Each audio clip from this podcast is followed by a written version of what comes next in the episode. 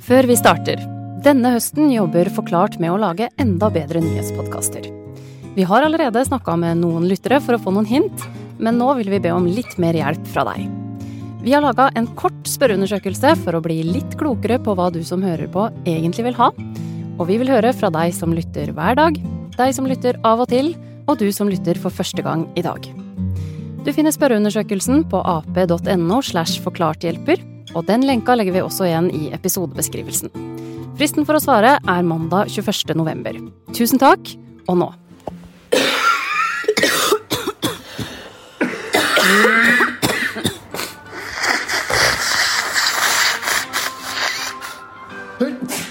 Da var vi her igjen. Med høsten kommer hosting på bussen og tomme pulter på kontoret. Og før vi vet ordet av det, kan vi bli påminna en stemme som vi kanskje håpa at vi var ferdig med. Så vil vi selvsagt anbefale andre tiltak, og vi vurderer dette fortløpende nå. Så hva er det vi kan vente oss i vinter? Er julebordsesongen i fare? Og må vi venne oss til bomullspinner opp i nesa igjen? Disse spørsmålene har journalist Ole Alexander Saue satt seg inn i, og svarene de får du her i Forklart fra Aftenposten. Det er mandag 14. november, og jeg heter Hanne Marie Maugesten.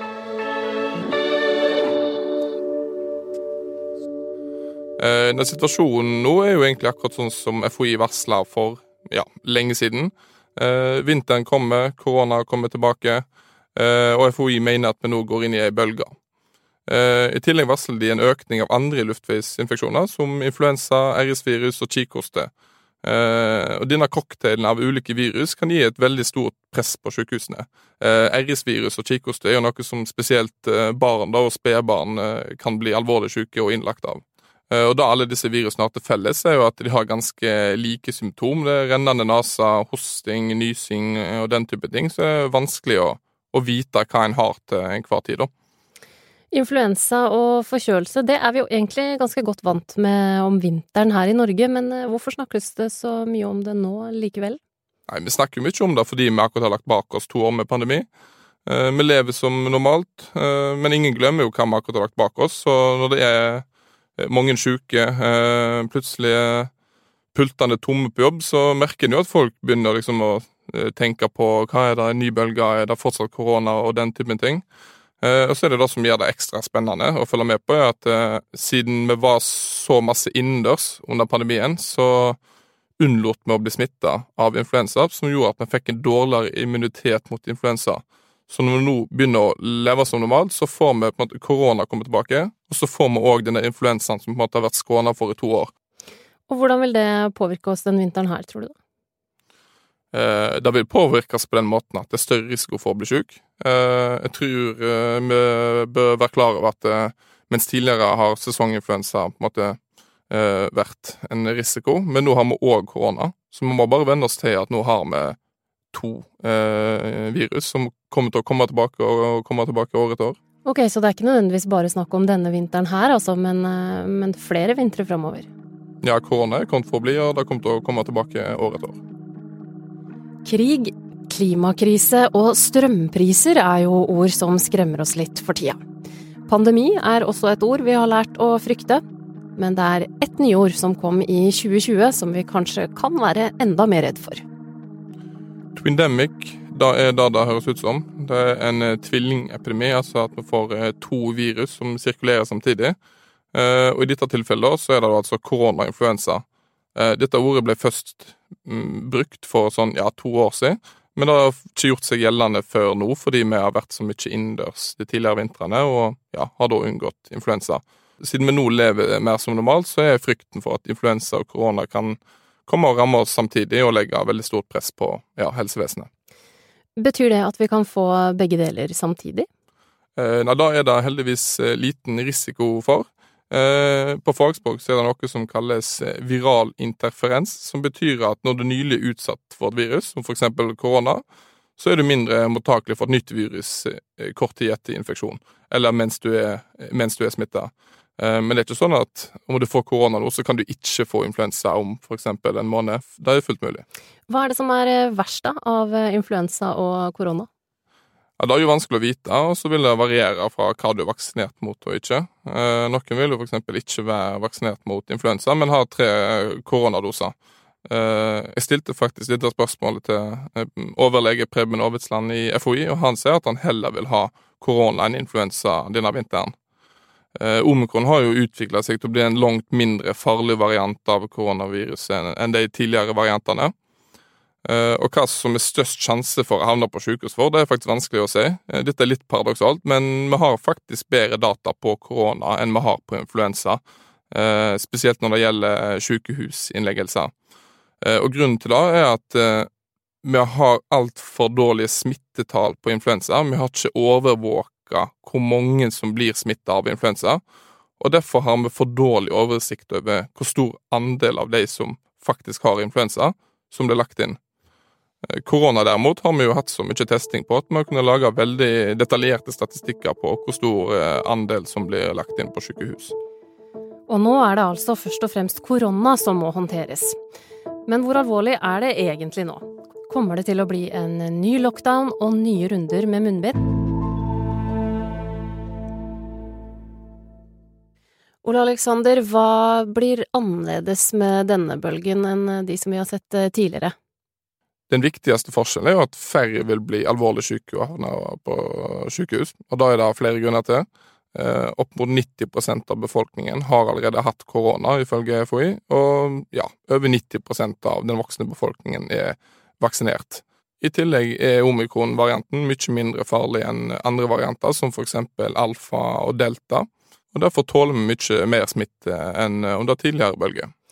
Hva er det som blir eh, gjort for å stanse eller bremse den bølgen vi er inne i nå, da? Altså, Å bremse bølga blir nesten umulig fordi omikron er så smittsomt, men eh, FHI eh, mener at det er veldig viktig at risikopasienter vaksinerer seg. Og så er det enkle generelle råd som å holde seg hjemme ved symptom og ha gode hygiene- og hosterutiner.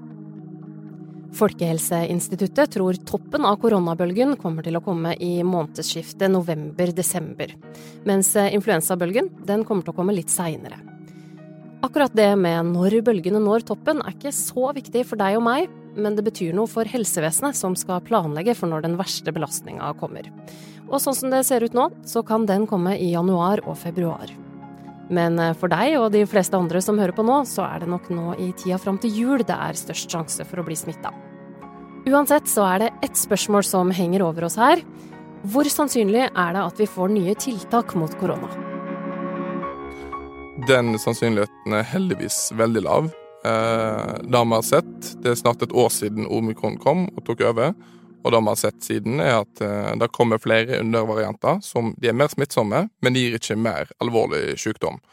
Eh, og Derfor mener eh, FHI og helsemyndighetene at vi har så god beskyttelse at de ikke vil kreve nye tiltak, fordi ikke nok blir alvorlig syke. Det verste som kan skje, er at vi får en helt ny variant som ikke ligner på omikron i det hele tatt, og plutselig begynner å gjøre oss veldig syke. Eh, da kan det bli behov for nye tiltak. Men dette mener heldigvis FHI er lite sannsynlig. Da koronaen herja som verst, så var det vaksiner som var det store stikkordet. Og de er fortsatt viktige. Nå er det eldre, kronisk syke og gravide i andre og tredje trimester som får tilbud om en fjerde oppfriskningsdose mot korona.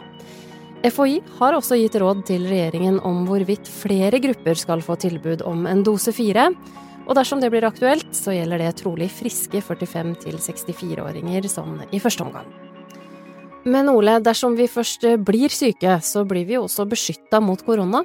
Hvor lenge varer det? Altså, Hvor lenge beskyttelsen mot korona varer, det er liksom vanskelig å vite. Eh, det er enkelt og greit fordi korona er ganske nytt, og vi har bare forska på det i to-tre år. Eh, men en ting som er viktig å huske på når vi diskuterer beskyttelse og immunitet, er at eh, Én ting er å bli immun mot smitte, men noe annet er å være immun mot å bli alvorlig syk. Eh, studier har jo vist at eh, hvis du vaksinerer deg, så forsvinner beskyttelse mot å bli smitta etter ja, få måneder. Eh, men så har vi noe som heter sånn hukommelsesceller, som gjør at eh, spesielt hvis du blir smitta, så vil disse hukommelsescellene kjenne igjen viruset. Så hvis du blir smitta av et virus måtte trenge inn i kroppen din, så vil disse cellene ta lurven av viruset før det rekker å gjøre deg alvorlig syk. Disse kan vare i flere tiår, men uh, siden korona er såpass nytt, så vet vi jo ikke det helt sikkert. Men uh, ved tidligere virus har vi jo sett at beskyttelsen mot å bli alvorlig syk varer mye lengre enn beskyttelsen mot å bli smitta. Men eh, Ole, nå går jo arbeidsplasser inn i en sesong som både preges av mye sykefravær og en del eh, julebord og arrangementer og sånne ting. Eh, bør vi ta noen forhåndsregler og for eksempel, ja, ikke dele en kakeboks med kollegaene våre? Nei, Preben Aavitsland i FHI sier at eh, da trenger vi ikke å bry oss om. Tanken er vel at vi skal leve som normalt. Eh, og da skal vi ikke gå rundt og bekymre oss for alle mulige potensielle smittekilder framover. Ok, men eh, helt til slutt da, det er jo én ting som vi ikke savner. Det er alle de her morgenene hvor man starter med en lang bomullspinne langt opp i nesa før du må vente et kvarter på dommen. Er det korona eller ikke? Er det noe vi må begynne med igjen nå, eller? Nei, òg her er FHI veldig tydelige. Det er ikke noe poeng å gå rundt og teste seg så fort en får luftveissymptom. Eh, nå gjelder det jo ingen særskilte råd og regler uansett hva du er smitta med, så derfor er det lite vits rundt å teste seg. Men jeg skjønner at folk blir nysgjerrige, så det er jo fortsatt fullt mulig å gå på butikken og kjøpe seg en koronatest for det som savner det. Kommer du til å gjøre det, da? Kjøpe koronatest? Ja, jeg har allerede to negative koronatester bak meg eh, de siste ukene.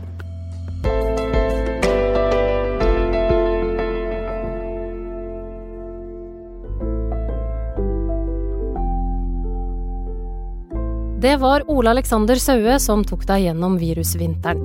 Og han kommer til å fortsette å følge med på smitten framover, og det kan du lese mer om på ap.no.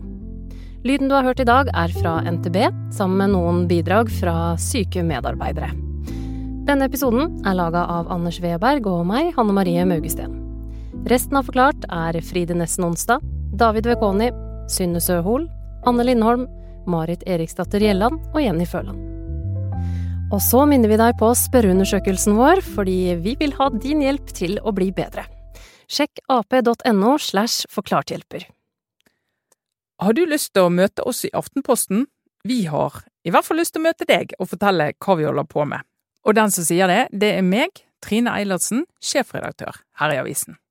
Mandag 21. november arrangerer vi A-Live for første gang. En festival, rett og slett, der du kan få møte journalistene våre. Featurejournalister, korrespondenter, kultur, sport, gravejournalister. Jeg kommer til å være der sammen med Aftenpodden-gjengen, og du kan få komme og høre på så mye du vil. Sjekk hele programmet og kjøp billett på akortet.no event. Mamma kunne ikke holde meg engang, fordi jeg klatra opp i veggene, jeg klatra opp i skapene. Jeg løp ut med ballen, mamma måtte komme og hente meg fra fotballbanen. Kamari hadde alltid masse energi i kroppen, men det var vanskelig å finne et sted hvor han fikk til noe, hvor han hørte til. Og det, det, det føles som bare fortsette og fortsette, at ting var veldig urettferdig ganske lenge. Til jeg begynte å gi faen i regler. Da han var 16 år, fant han det. Han begynte å selge hasj og marihuana på Vaterland i Oslo. Men når du hører til på utsida av det som er vanlig, er det vanskelig å komme tilbake. Hør ukens episode av Fortalt i Podme eller i Aftenposten-appen.